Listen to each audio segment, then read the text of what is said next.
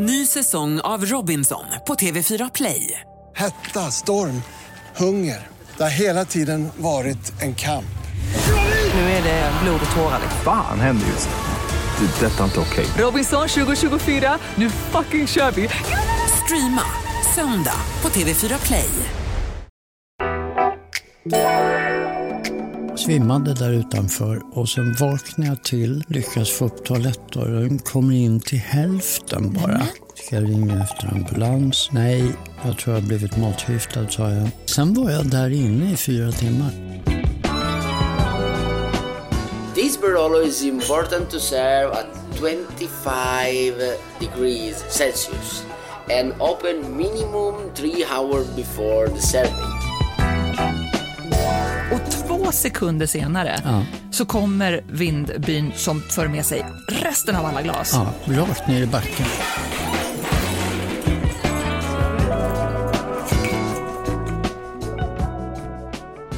Det har ju varit en riktig James Bond-vecka för efter att ha blivit framflyttad så hade ju äntligen den nya Bond-filmen världspremiär och premiär här hemma i Sverige. Och det enda jag kunde tänka på det var inte James Bond, det var dig Erik. Ja. För du känner ju faktiskt Daniel Craig. Vi har ju Ja. pratat om det tidigare. Du var ju hans personliga kock under en ganska lång period. Ja, nio månader till och med. Och ehm, den här veckan så um, satt jag på Bio Capital alldeles ensam. Åt löjromspizza och drack vin och kollade på premiären. Det gjorde du inte? Ja. Va? Ja, i onsdags. Men du, hur känns det för dig då när du ser på Bond? Alltså ditt förhållande till, till Bond måste ju ha förändrats efter att ha kommit så nära Daniel Craig. Ja, Daniel som person är ju alltså väldigt enkel egentligen.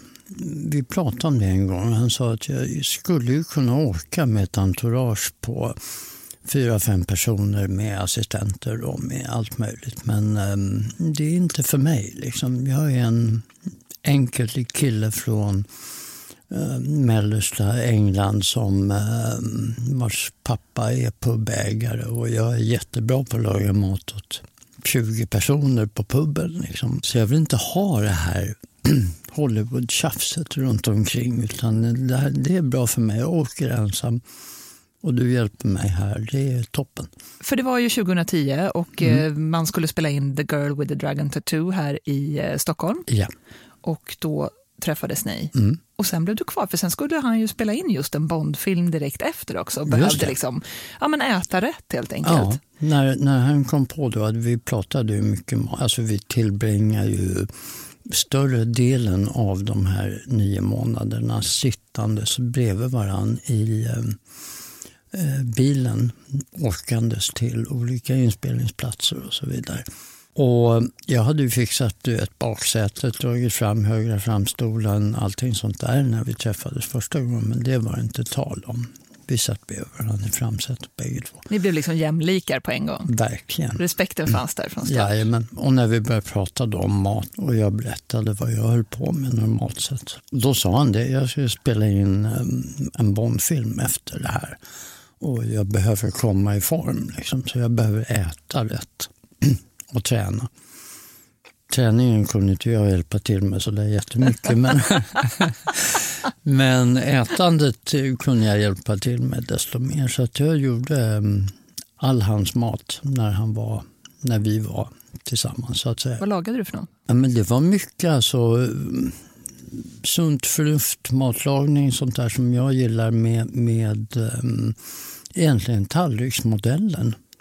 Mycket fisk, protein i form av visst kött i och med att han var tvungen att träna, bygga muskler mycket. Han behövde kolhydrater under vissa perioder och så vidare. Så då la vi upp en, eh, en diet och jag tycker han såg rätt bra ut i Skyfall faktiskt. Ja. Det gör han ju alltid. Men om du skulle ge honom en treat då, vad fick han då? Chokladpudding eller? Ja, inte pudding utan ren choklad. Mörk choklad. han. Ja. Krökade ni ihop någon gång? ja. Vadå då? Vad hände då? då? Ge mig några detaljer av Tänk, om du tänker dig en, em, en pubägarson från mellersta England. Du menar att det var fel på frågan? Herregud! Jo då, det, det brann till några gånger. Det gjorde. Mm. Men vad, liksom, tequila-shottade ni eller körde ni liksom bara Nej, det massa starka bärs bärs och whisky. pints? Ja. Ja, bärs och whisky. Tunnor. Tunnor av Flödade. whisky. Ja, Ja, underbart. Men, eh, och ni håller ju kontakten. ja, det gör vi. Vad tyckte du om filmen då? Kan den vara annat än femstjärnig? Ja. Oj, oj, oj. Och en av producenterna också till Bondfilmen, det måste vi nämna, har ju faktiskt jordens coolaste namn. Barbara Ja. Broccoli. Broccoli! Fast hon borde ju heta Broccoli säkert. Man fick ju höra lite såna hemliga samtal i bilen. Berätta Jo. allt. Jag tänker inte berätta vad de pratar Jo. om. Men, men när, när Daniel ringer upp Barbara så säger han just calling call Barbara Broccoli. Så han sa Broccoli också. Mm. Underbart, säg någonting. Ja, men de pratade om framtiden med Okej. filmer. Okej, okej, okej, jag ska Ja. inte pressa dig.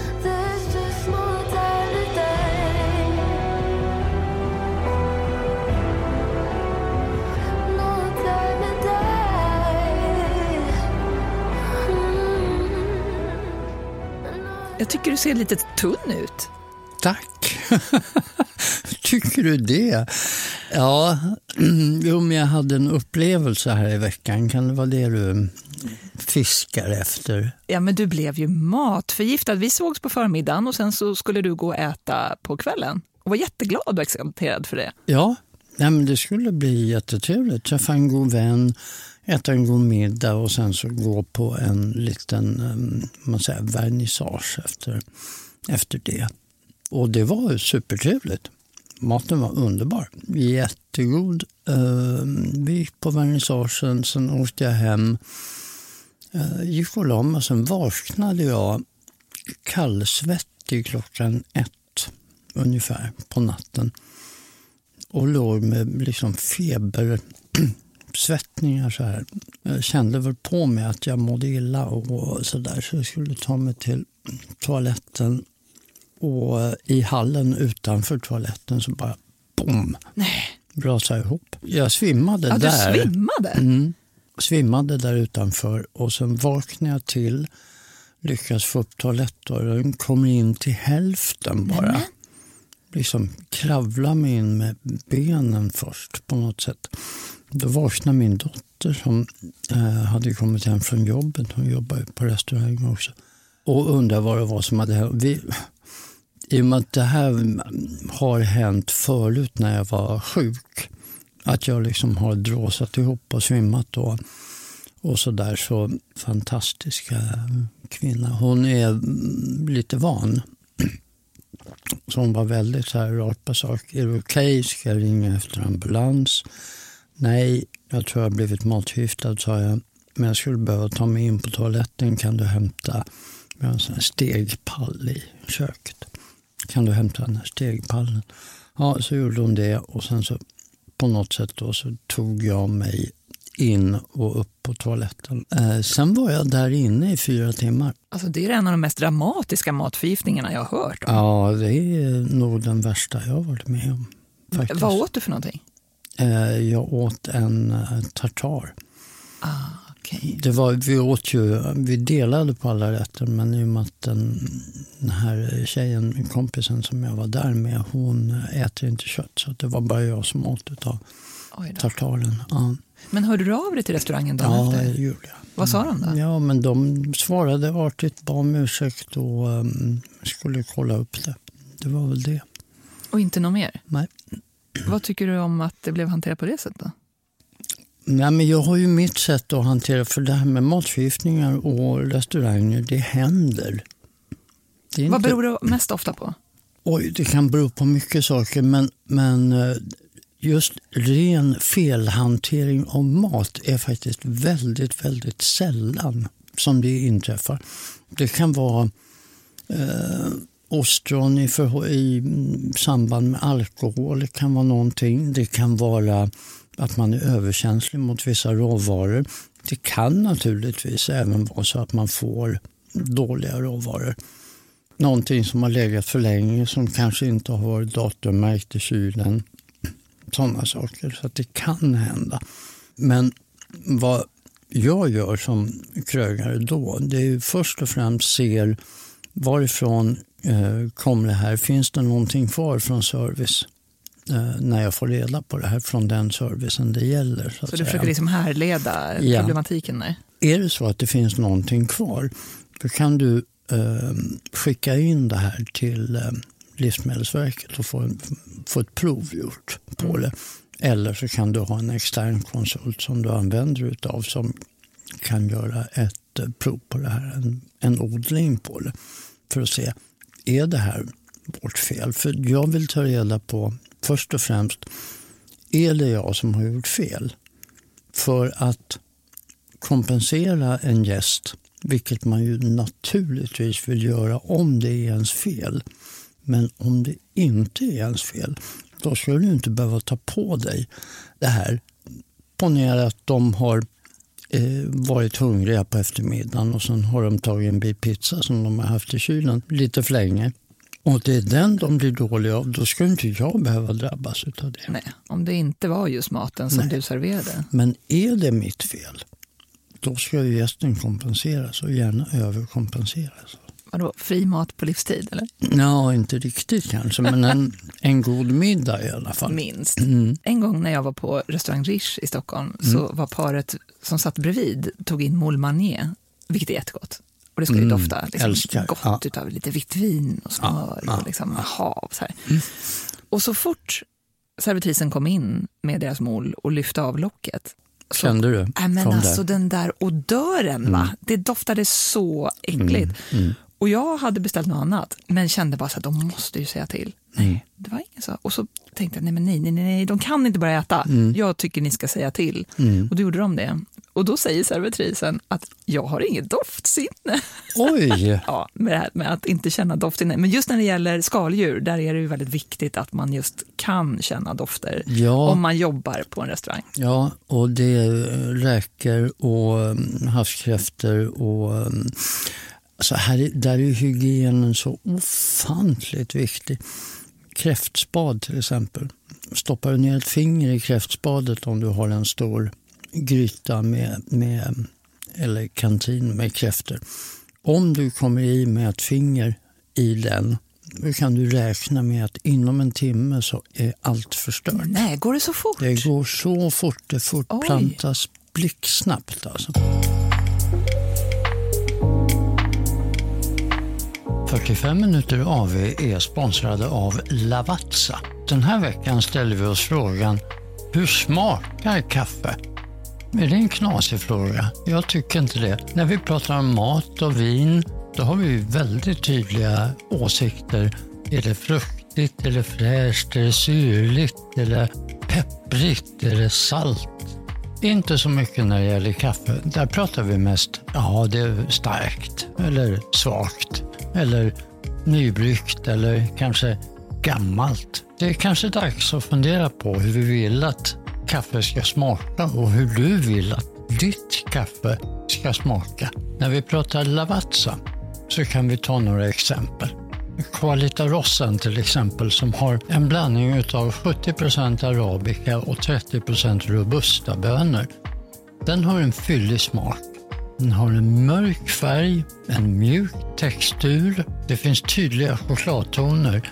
Den är mild, balanserad. Jämför den med en Qualita Oro som har 100% arabica. Här har vi en len och aromatiskt kaffe.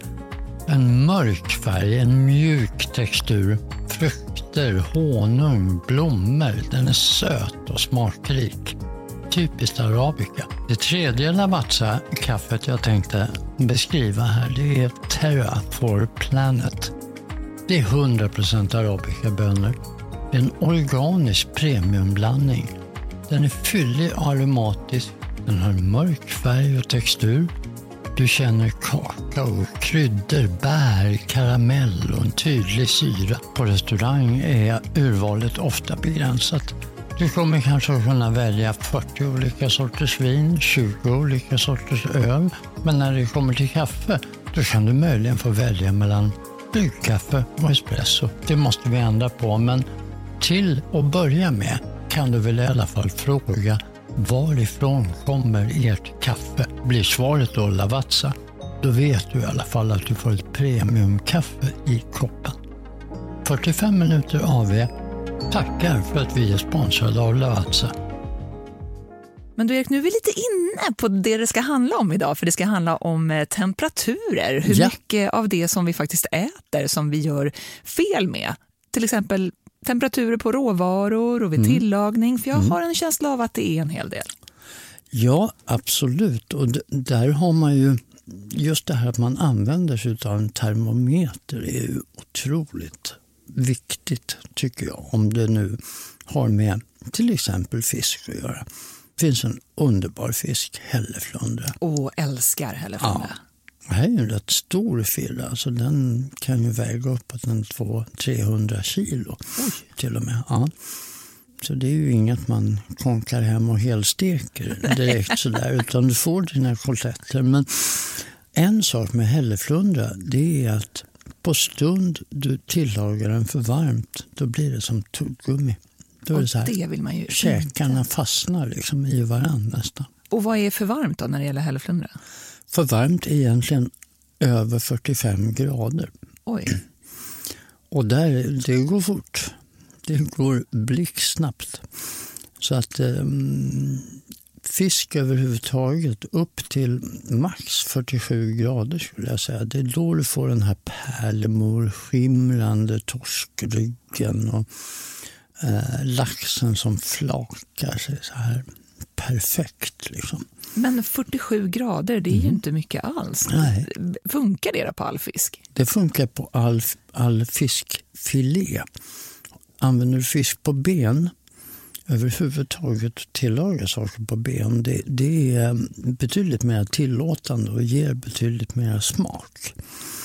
Så att fisk på ben är alltid att eh, rekommendera. Men hälleflundran återigen, då 250 kilo firre får du inte in i ugnen hemma. Ja, Så det blir lite klurigt. Så stora ugnar har vi inte riktigt Nej, än. och det, även, även så med torsken. Liksom, Daniel Där- Craig kanske har en, men in- in- inte jag i alla fall. Okej, men så fisk gör vi ofta fel med alltså? Ja, fisken tillagar vi för varmt, helt enkelt. Men du ska ju- ha en liten rå kärna i mitten när du tar ut den ur ugnen, upp ur pannan eller hur du nu tillagar. För den kommer, eftervärmaren kommer att se till att den blir perfekt. Och en bra termometer borde man alltså investera i? Verkligen. En bra termometer kan du ha till så mycket kött. Om du vill testa innertemperaturen på köttet. Du får den liksom perfekt som du vill ha den. Om du vill ha den medium på kanske 58 grader eller om du vill ha den medium rare på 53 eller om du vill ha den riktigt jäkla rare ner på, på 50. Ehm, till och med 48 om du vill ha en blö. Sådär varm i mitten bara. Men då ska du ha eh, då ska du dessutom ha köttsorter som passar för det. Jag måste erkänna en sak, Erik. Jag köper ju fryst fisk ibland. Ja, Ja, men det är, det är så himla fel. praktiskt. Ja. ingen fel. Och då blir det ju så att man snabbtinar då, då i kallt vatten. Nej. Ja, i värsta fall i kallt vatten, ja. Okej. Mm, Funkar det då? ja, bättre det ska jag säga än att du låter den ligga framme över natten. Ja, det är inget bra. Nej, för det som händer då det är att ytan på fisken får ju rumstemperatur relativt snabbt medan den fortfarande är frusen inuti. Och då börjar ju bakterietillväxten på ytan av fisken direkt. Ja, det är inget bra. Men i kylen då över natten? Det är det är perfekt. Okej. Det är, så, det är så man ska göra om man säger så. Okej. Du låter det tina i kyl över natten. Återigen, jag måste börja planera mina middagar lite, Ja, lite bättre ja. än nu. Jag vet en annan sak som, eh, som du verkligen, verkligen eh, är tydlig med när det gäller temperaturer, det är ju ris. Det har jag lärt mig av dig. Det ska Ja. aldrig stå framme i rumstemperatur för Nej, länge. nej, nej. Det måste in i kylen direkt. Ris är lite, inte lik, lika brutalt som um, kräftspadet men, men um, det blir dåligt snabbt om du har det ute. För det finns en liten öppning i riskornet va? Där, där det kan finnas Ja. bakterier. Och det är även behandlingen av riset ehm, och hur, hur det är odlat och så vidare. Men, men just ris är väldigt känsligt just för bakterietillväxt. Och när du säger direkt, då menar du alltså man eh, kokar sitt ris Ja. och lagar sin mat till, man Ja. äter och sen är det nästan exakt direkt efter du har ätit upp som du måste ta hand om riset. Ja, ja. In, i kylen, In i en låda och så in i kylen. Ja, för då håller det, då funkar det. ja det funkar det. Men inte allt för länge. Alltså en till två dagar. Max. Du sparar inte ris en vecka. Då blir det fried rice. Ja, ja precis. Fried rice är Ja, jättegott. det är gott. Mm. Men en till två dagar alltså. Inte mer. Hopp. När man ska steka hamburgare till exempel, Mm. då är det ju väldigt gott när det är lite medium förstås Oh, i mitten. Men många jag. är rädda för det. De vill ha Ja. helt genomstekt. Ja, och just vad det gäller färs, alltså det, det finns ju en, en, ehm, en anledning till att man kan vara rädd för färs. Därför att på stund du ökar mängden yta som luften kommer åt, desto snabbare blir ju köttet dåligt. Så vad jag gör hemma faktiskt när jag gör hamburgare, det är att jag maler köttet själv. Maler köttet, tar en hel bit um, högrev och så maler jag den. Och sen steker jag det direkt. Men då lämnar jag en rätt fet röd yta i mitten. Men då kan du vara helt trygg i helt den tillagningsprocessen. På, jajamän, jag är helt säker på det. Eh, att, det att det funkar. Och det här kan du ju även... Du kan ju gå in till... Har, har din lokala matbutik en manuell köttdisk så köp inte ett paket då med, med hamburgare som är färdigstansade eller köttfärs. Be att få det malet. Alltså, hellre att köpa en bit högrev och be dem på studs, alltså alla minut att de ska Ja, ja. mala precis det så. till mig. Ja, Varför har han inte gjort det tidigare? jag vet inte. Vad dumt. Ja. Okej, men du måste nästan ge mig en fras här. Jag tar min nummerlapp, nu står jag där framför Ja. manuella disken. Ja. Och vad säger jag nu då? Jag ska göra hamburgare, kan du mala lite god högrev åt mig? Kan du plocka ihop lite gott och blandat Mm. av köttbitar ni har? Har du högrev? Ja, jag har högrev. Har du någon, kanske någon bringa eller någon liten biffbit eller något sånt där? Jo, jag har lite smått här. Ja, vad schysst. Kan du köra det i kvarnen till mig? Absolut, säger de då, om de är seriösa. Vet du vad det enda jag har i mitt huvud nu? Nej. Jag tänker på konditoriernas dammsugare som liksom, det går rykte om att det görs av resterna från alla andra produkter. Nej, men ö, ja, älskar den här reklamen. Ehm, garanterat fri från fibrer. Och så är det en dammsugare på. Åh, dammsugare är gott för Mm. övrigt. Önskar jag tål det bara.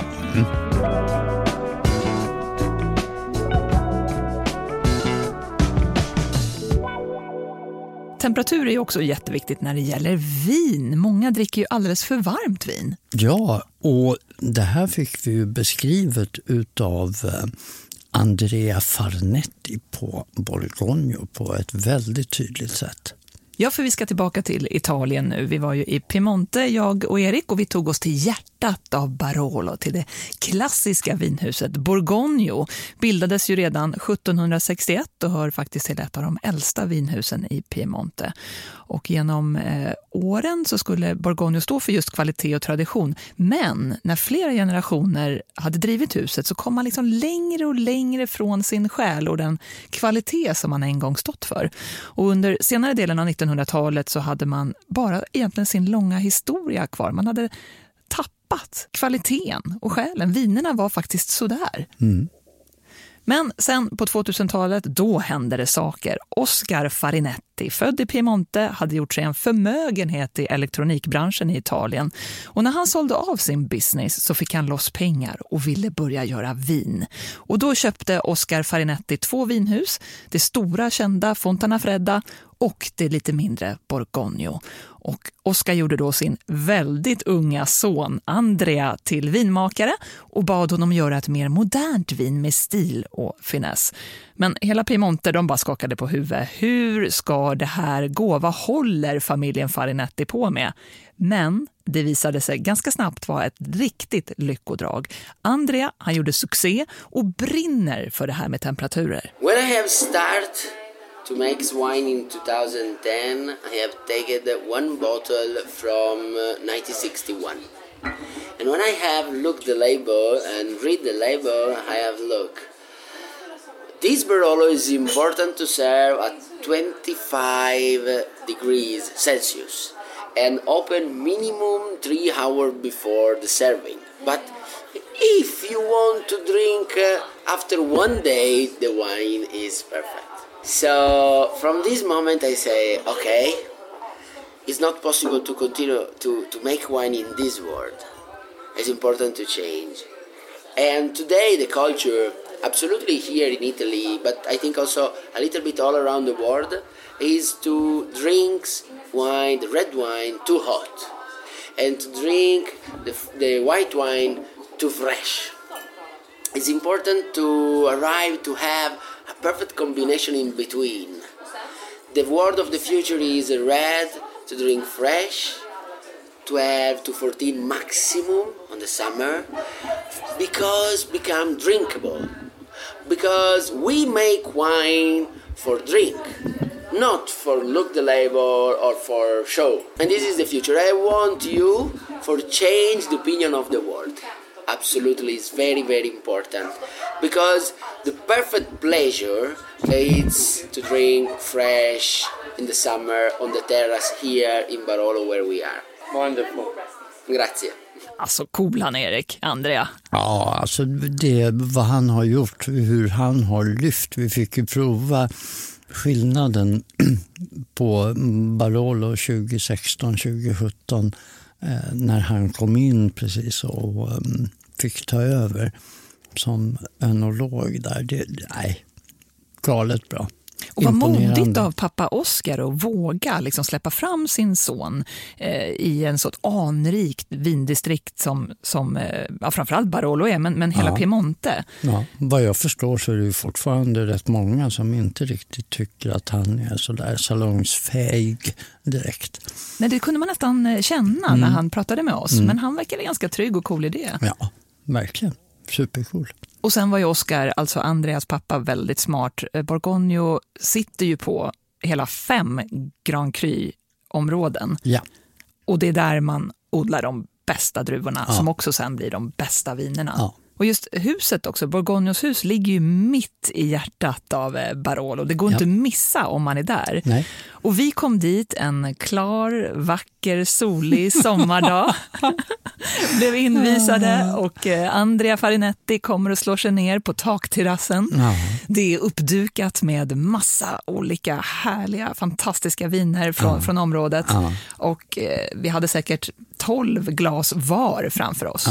Verkligen. Och så sitter vi och njuter de här fantastiska vinerna med den här utsikten över böljande kullar. Vi ser den här orten La Morra i fjärran. Och det är som att höra Pavarotti sjunga Nessun Dorma. Och så byggs det här upp på slutet och precis när han tar i med de här sista Incero, då är det som hela stället där vi sitter blir övertaget utav regn, med blåst, med moln, med åska, med hagel. Det är bara det är som jordens undergång där uppe på terrassen. Alltså jag har aldrig varit med om ett snabbare väderomslag. Nej. Någonsin. Det var som att gå in i en vägg. Helt plötsligt, när Ja. jag vänder mig om, så ser jag det här mörka, mörka eh, domedagsmolnen dra in över Barolo. Och vi sitter alltså på en takterrass på en ganska hög... De här små byarna är lite byggda som medeltidsbyar. Eh, så, så på en topp liksom, för att kunna försvara sig mot fienden och så vidare. Så vi sitter verkligen på toppen av Barolo. Ja. Och så kommer det här ovädret in. Ja. Och det går på några sekunder. Glasen flyger, flaskorna flyger, eh, parasollerna flyger. Servitriserna flyger. Ja, alltså jag inser precis när det, man känner hur nästan stolsryggen börjar darra liksom, av, av, av den här vinden, Ja. så får jag in så många vinglas mellan mina fingrar som jag har Ja. och försökte liksom bara rädda dem. Och två sekunder senare Ja. så kommer vindbyn som tar, för med sig resten av alla glas. Ja, rakt ner i backen. Så jag lyckades rädda ja, åtta stycken eller Ja. något sånt där. Och jag tar hand om parasollerna som håller på att blåsa ner på torget nedanför och försöker fälla ihop dem. Det börjar ösregna och alla flyr den här takterrassen. Du eh, räddar parasollen Ja, och sen kommer Erik Videgård ner för trappen, sist av alla. Med vinerna i lådan Ja. förstås, för du har ju räddat det viktigaste tyckte du där. Men just nu så måste man veta sina prioriteringar. Vinet först och vädret sen.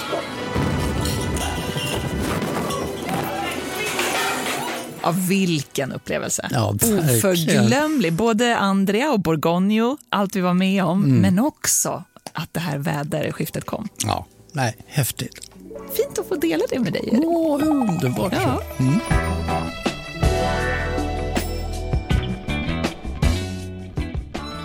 ...45 minuter AV är sponsrade av Sundqvist. Sundqvist AB levererar utrustning till både proffs och hemmamontagare. För mig är bra pannor och grytor ett måste i köket. Sundqvist har Scanpan i sitt sortiment. Det är en suverän samling av stekpannor, grytor och kastruller. Scanpan grundades 1956 utanför Århus i Danmark. I sortimentet så finns det stek och kokkärl av alla olika slag. Allt från belagda pannor av återvunnen aluminium till kopparpläterade sautöser och långpannor. Företaget ligger alltid i framkant när det gäller att ta fram nya banbrytande produkter. Stekpannorna har prisats i produkttester och hjälpt kockar att vinna prestigefulla tävlingar som SM, EM och VM i matlagning. CTX är en av serierna i sortimentet.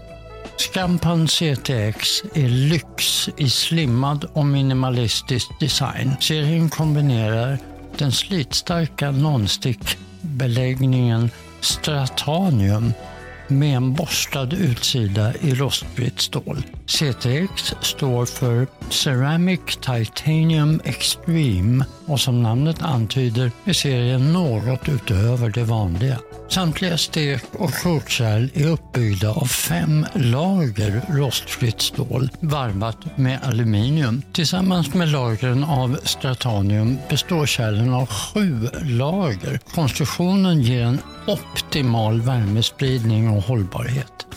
CTX är ugnssäker upp till 260 grader och fungerar på alla värmekällor, inklusive induktion. Vilken panna du än väljer, se till att det blir en Scanpan.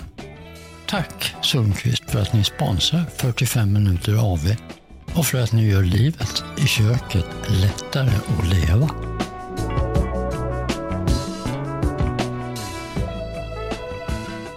Du, jag är hungrig nu. Är det det? Ja, jag vill laga mat. Skulle jag vilja berätta en liten historia. Okej, är den lång? Nej, inte så lång. Är du så hungrig? så alltså? hungrig. Ja. ja, men det går fort. Um, jo, förstår du, Napoleon, kommer du ihåg honom? Ja, definitivt. År 1800 är vi i nu. Det är juni. Eh, han sitter utanför sitt fantastiska tält, hans härförartält i den lilla byn Marengo som ligger mittemellan Milano och Venedig. Han har precis vunnit över österrikarna och är jättestolt och jättehungrig. Som jag. Ja, så då ber han sin kock så här. Du, dra iväg och fixa till någonting åt mig. Jag behöver mat nu. Kocken sticker iväg. Han hittar några kycklingar. Han hittar tomater. Han hittar en skål ris. Han hittar svamp. Tryffel sägs det. Fick han med sig också. Och sen gör han en gryta av det här. Och den här kycklinggrytan har sen fått namnet kycklinggrytan Marengo. Ja, så det var på Napoleons tid. Och av en ren händelse i min lilla Lattjo låda här så ska jag packa upp nu. Har du lagat en kycklingmaräng alltså? Ja. Oh. Vet man eh, vad Napoleon tyckte om grytan? Han tyckte naturligtvis att den var fantastisk. Här så har jag en liten termos. Nu håller Erik upp en, en fälttermos. Så här får du börja med att dofta. Åh jag- gud vilka dofter! Det doftar eh, mustigt av buljong och det doftar nästan svamp fast det är ingen svamp i. Jo, det, är svamp. i. Det är svamp. Åh. Mm, vad gott det doftar. Vad har du haft med i här då? I botten så ligger ett risottoris med lite olivolja och havssalt och tryffel. Och sen så är det kycklinggrytan. Då är det um, kycklingbröst som jag har stekt på och sen blandat med eh, tomater, San Maranzano-tomater, champinjoner, lök, vitlök. Får jag smaka? Ja, Åh gud så gott. var det varmt fortfarande? Ja, det var jättevarmt. Men vad gott det är. Och tomaterna ihop med de här ljuvliga smakerna av kyckling och. Till det här då ska vi göra ett litet experiment. Du ska få samma vin fast vid två olika temperaturer. Ska vi se om Andreas eh, tankar här om temperaturer och viner stämmer. Att man helst ska dricka rött vin nästan 10 grader svalare än vad vi normalt sett dricker. Ja, det är ju rätt mycket. Alltså 10 grader på, på vin. Men Erik, det var, kycklingen, den var så god. Ja, men det, det här är en... Det här är lite comfort food. Mm, vad Och sen har jag använt en kyckling, en eh, speciell kyckling som lever dubbelt så länge som vanliga kycklingar och hanteras med två händer genom hela livet så fort man bär den eller lyfter den eller ja, till slut slaktar den. För det har ju varit ganska mycket debatt om just kyckling i Sverige. Ja. Hur kan man lita på att producenten håller det de borde, så att säga? Det här är jättesvårt. Där måste ju då leverantören stå som garant för det här. Och det verkar ju som inte alla gör det tyvärr. Men en bra, ofta så kan man ju titta på priset helt enkelt. Det brukar Ja. du säga. Ja. Går man upp lite pris Ja. så kan man också kanske vara lite mer säker på Ja, eh, att kycklingarna har blivit väl hanterade. Men det här, och det påverkar ju också smaken Ja, men du känner ju på det här. Det här smakar ju kyckling på riktigt. Liksom. Det var så gott. Bra. Testa nu med vinet till. Det här är en Chianti och i det första glaset du tar nu, där håller den väl kanske 22 grader skulle jag tro. Gott. Det är gott vin. Ja. Mm. Chianti från Toscana. Ja. Mm. Och sen nästa glas, då har du det fast ungefär 8 grader kallare. Oj, vilken skillnad i smak. Jag skulle nog inte ens känna det att det var samma samma, vin. vin. Nej, precis. Mm. Otroligt. Men vad är rätt och fel här då? Vad- Vad tycker du till Ehm. maten? Jag skulle hellre välja det kalla. Ja. Jag tycker det är jättegott. Generellt så gillar jag mitt rödvin betydligt kallare än vad många Ja. andra Det här, gillar. mycket av det här har ju att göra med att man säger att man, man ska servera rött vin i rumstemperatur. Men rumstemperatur när man väl kom på det här, det var 17 grader. För det var så varmt man hade inomhus. Och så, vi har ju betydligt varmare än så, har många av betydligt- oss. Och sen att man lagrar gärna sina viner som man har hemma. Ja, de kan ligga i köket ovanför spisen i värsta fall. Men eh, en Chianti till just en kycklinggryta, tycker du att det är en bra match? Absolut. Jättebra. Sangiovese-duvan eh, passar skitbra till kyckling tycker jag. Och för att det ska få heta Chianti eller Chianti Classico som man ju känner igen, då Ja. måste det väl vara ganska, vad är det, 80 Sangiovese va? Ja, stämmer. Och du får in, det finns vissa tillåtna druvor som du får blanda in. Du får till exempel inte blanda in Cabernet Sauvignon, Merlot, sådana. Då får du Bordeaux-blandningar och då kallas det för något annat. Ah, just det. Jag tror att när många tänker på Chianti, Erik, då tänker man på den här klassiska eh, bastukjolen. Liksom, Fias-. Ja. Fiasko, Ja, det fiaskoflaskan. heter det, ja, precis. Eh, Lady och Lufsen eh, används också som liksom ljushållare på kanske mindre kvarterskrogar i Italien Jajamän. och så vidare. Jag inser nu, Erik, att jag har varit lite motståndare till Chianti för att jag tänker att jag tycker att det är lite för tunt och lite för fruktigt. Jag har ju druckit alldeles för varmt, Ja. helt enkelt. Ja, precis. Jag måste prova igen och så ska jag in i kylen, för det är väl så då man ska hantera. Om jag, har, om jag förvarar i rumstemperatur, så in i kylen. Hur lång tid före servering? En enkel um, tumregel är ställ in det röda vinet i kylen en halvtimme innan du dricker det. Ta ut det vita vinet ur kylen en halvtimme innan du dricker det. Då har du hyfsat rätt temperatur. Det är så gott, jag kan inte sluta äta Erik. Du har gjort en fantastisk kycklinggryta. Och till Chiantin då som funkade utmärkt till även andra grytor eller? Ja, På kött, lamm kanske? absolut, absolut. Lamm. Åh, lamm och en bra Chianti, kan man få det bättre? Och så en liten öppen eld på det. Mm, och jag em, tänker nästan på, på när lammen tystnar. Här. Nice Chianti. Ja, verkligen. I ate his liver with some fava beans and a nice Chianti. Jag kommer ju absolut våga prova lite mer Chianti än vad jag har haft i mitt liv. Helt, jag har liksom fastnat där inne i Barolo. Ja, man, gör ju, man hittar en favorit och sen så fastnar Ja, man där. Men, Verkligen, Lange liksom, som område. Fantastiskt. Men man får inte glömma bort, Italien är ju så långt och vidsträckt. Det finns ju många fantastiska områden. Absolut. Chianti är ett av dem i Toscana alltså. —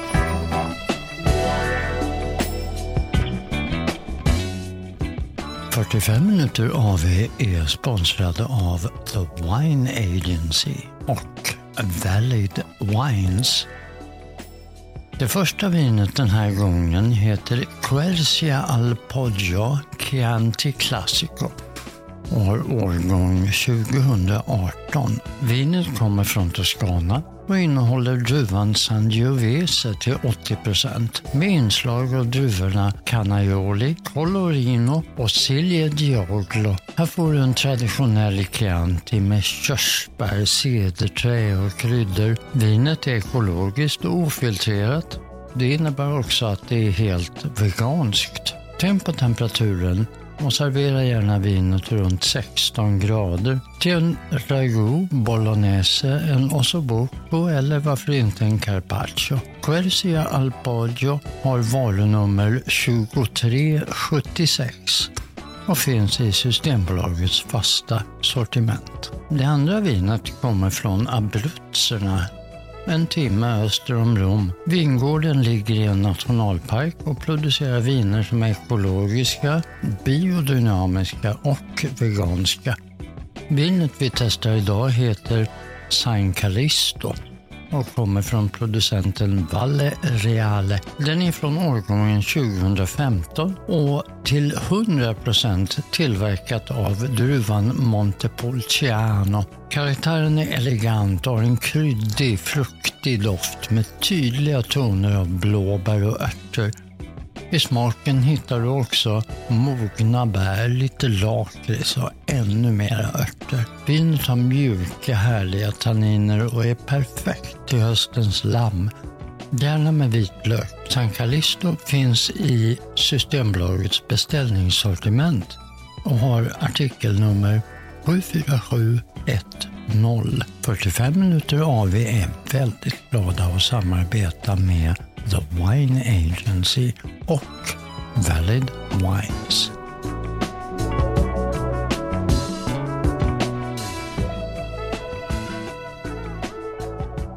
Vi är framme vid i köket, Erik, och det ska Ja. handla om grytor passande nog idag. Grytor är en av mina favoritsätt att tillaga. Jag har i min hylla där hemma ett antal olika grytor med olika beläggningar för olika saker. Det kan vara en ren gjutjärnsgryta. Inget fel i det alls. Vad man ska tänka på med gjutjärn är att du måste ta hand om det. Du får smörja in det. Du får aldrig diska det med diskmedel Ja, men stopp, stopp, stopp. Hur ofta måste jag smörja in den? efter varje användning. Med vad? Olja. Eh, rapsolja. Ja, vanlig matolja, rapsolja, jordnötsolja, det, men ingen olivolja kan solrosolja. ju inte vara något med smak. Inte det olivolja. Ja. Mm. Efter varje användning. Ja, så du sköljer ur den med varmt vatten utan diskmedel. Diskmedlet torkar ut. Eh, Och sen tar du bara en, en matsked eh, olja i och så drar du runt med ett hushållspapper bara. Och sen är det klart. Och sen lägger du inte på locket helt utan luften måste komma åt. Så det torkar, ja. Mm. Men grytor med beläggning då? Ja, där har du ju dels emaljerade grytor som ju är fantastiska. För där kan du fräsa i och du kan dessutom diska dem om du vill efteråt. Och det man har då det är ju att du har en botten på ytan som är olika vid, om man säger så. Eh, Om du har en gryta som är helt rak i kanterna och platt i botten, du lämpar ju sig den för att steka större bitar kött till exempel som sen används i grytan. Så om du har lammlägg till exempel och vill bryna dem runt om, då behöver du den här ytan i botten. Om du har mindre köttbitar, alltså grytbitar av kött eh, eller vad det nu ska steka, då kan det vara bra om grytan är rundad i botten. För då behöver du en mindre mängd olja. Den tänks som en wok ungefär. Den är gjord så för att du ska kunna ha minimalt med matfett i botten när du steker. Du kan även ha en belagd gryta på samma sätt som du har belagda stekpannor. Det är alltid bra om grytan har ett rejält tungt lock. Eh, handtag som tål ugnsvärme så att du kan ställa in grytan i ugnen. Ja, för det gör du ofta när vi lagar mat tillsammans. Mm. Grytan åker in i ugnen. 125 grader i 3-4 timmar beroende på vad du har i den. Jättepraktiskt. Men inte bara praktiskt, va? påverkar det smaken liksom på maten om jag låter den långsam eh, tillagas i ugn eller på spis på högre värme? Nej, ja, intensiteten på värmen spelar roll för slutresultatet. Det gör det.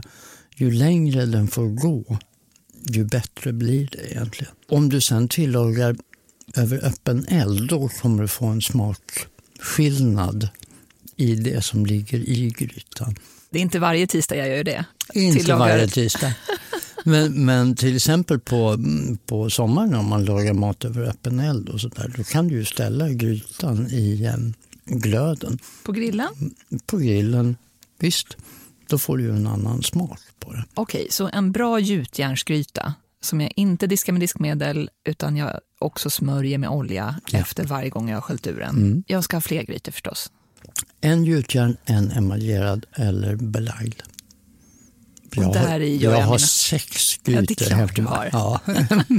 Ditt kök, Erik, är lika stort som Stockholms slott. Ja, Nästan. det är nej, nej, stort som den här studion snarare. Jag vet, du är så effektiv i ditt kök. Mm. Vi har fått frågor även den här veckan. Är du beredd? Jag är beredd. Från Monica i Bredäng. Hej Erik och Jenny, jag tycker det är så svårt att få allt att bli perfekt när olika råvaror har olika tillagningstid när jag ska laga grytor på spisen eller i ugnen. Vad har du för bra tips där Erik? Jättebra fråga, för att det där är ju ofta... Alltså, vad jag brukar göra, och ett sätt som är väldigt användbart och nyttigt, det är att jag brukar använda mig av en ångare. Alltså en ång, ångmaskin, höll jag på att säga. Men att jag ångar maten och då ställer på i flera lager. Så inte allt ner samtidigt. Inte allt ner samtidigt, utan du kan ju tillaga till exempel fisk. Om du börjar med fisken i första lagret, sen har du grönsaker i nästa lager, sen har du kanske potatis i ytterligare ett lager. Då har du tre våningar om man säger så. Så att då börjar du med det som tar längst tid, potatisen. Sätter du på den, lock på. Och så har du någon, en liten timer. Och så räknar den ner. Efter fem minuter så är det dags att sätta på grönsakerna. Då lägger jag på grönsakslagret, på med locket.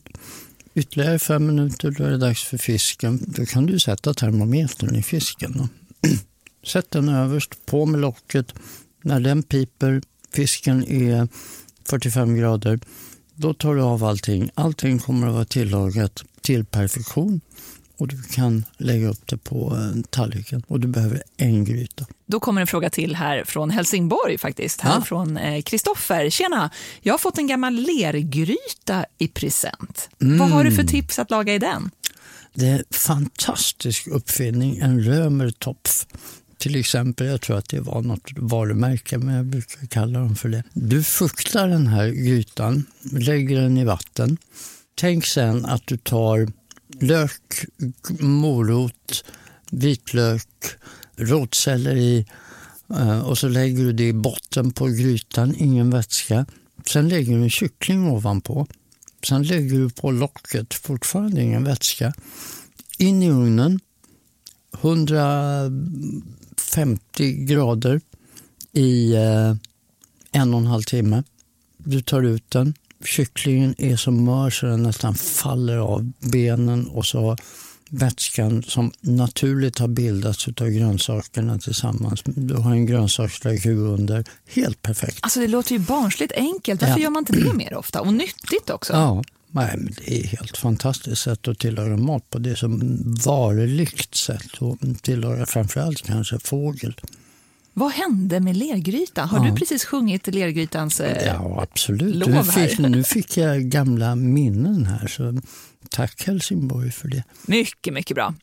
Här kommer en fråga från Karlstad. Det är från Tove Kjellander. Äntligen så öppnar Sverige upp igen. Jag har bjudit tio personer på middag. Underbart Tove. Men vill inte stå vid spisen hela kvällen. Nej. Vad tycker du Erik att jag ska laga för mat då? Ja, är vi inne på grytor så är vi inne på grytor och det tycker jag väl är alldeles utmärkt att, att tillaga en gryta för att där kan du göra det till och med dagen innan. Men vad är en bra bjudgryta då? coq au vin till Ja. exempel, bœuf bourguignon till exempel. Du kan göra en eh, lammgryta, du kan göra kycklingmaräng. Ja, det är klart. Den kan Tove ska göra en kyckling marengo. Som tur är kommer ju receptet upp på, på vår hemsida alversjåvidegard.se redan idag. Och där kan man få så mycket annan inspiration också. Jajamän. Åh, vad underbart. Jag har precis ätit upp din kyckling marengo, Erik, Ah. men jag blir hungrig ändå när vi pratar om andra grytor. Åh, jag kan äta så mycket mat. Det är min superkraft. I nästa avsnitt då ska det handla om lägen. Vad betyder egentligen läget för ett vin? Och hur är läget med köttätandet? Vi hamnar på en oväntad middag som visar sig vara den bästa vi någonsin upplevt på alla sätt. Det ska vi berätta om i 45 minuter av er nästa vecka. Vi hörs då.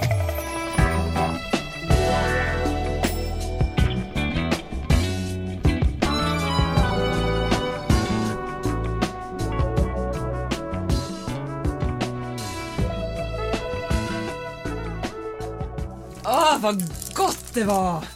Herregud, jag blev... det här var ju fan... Du alltså. Jäklar vad gott det var.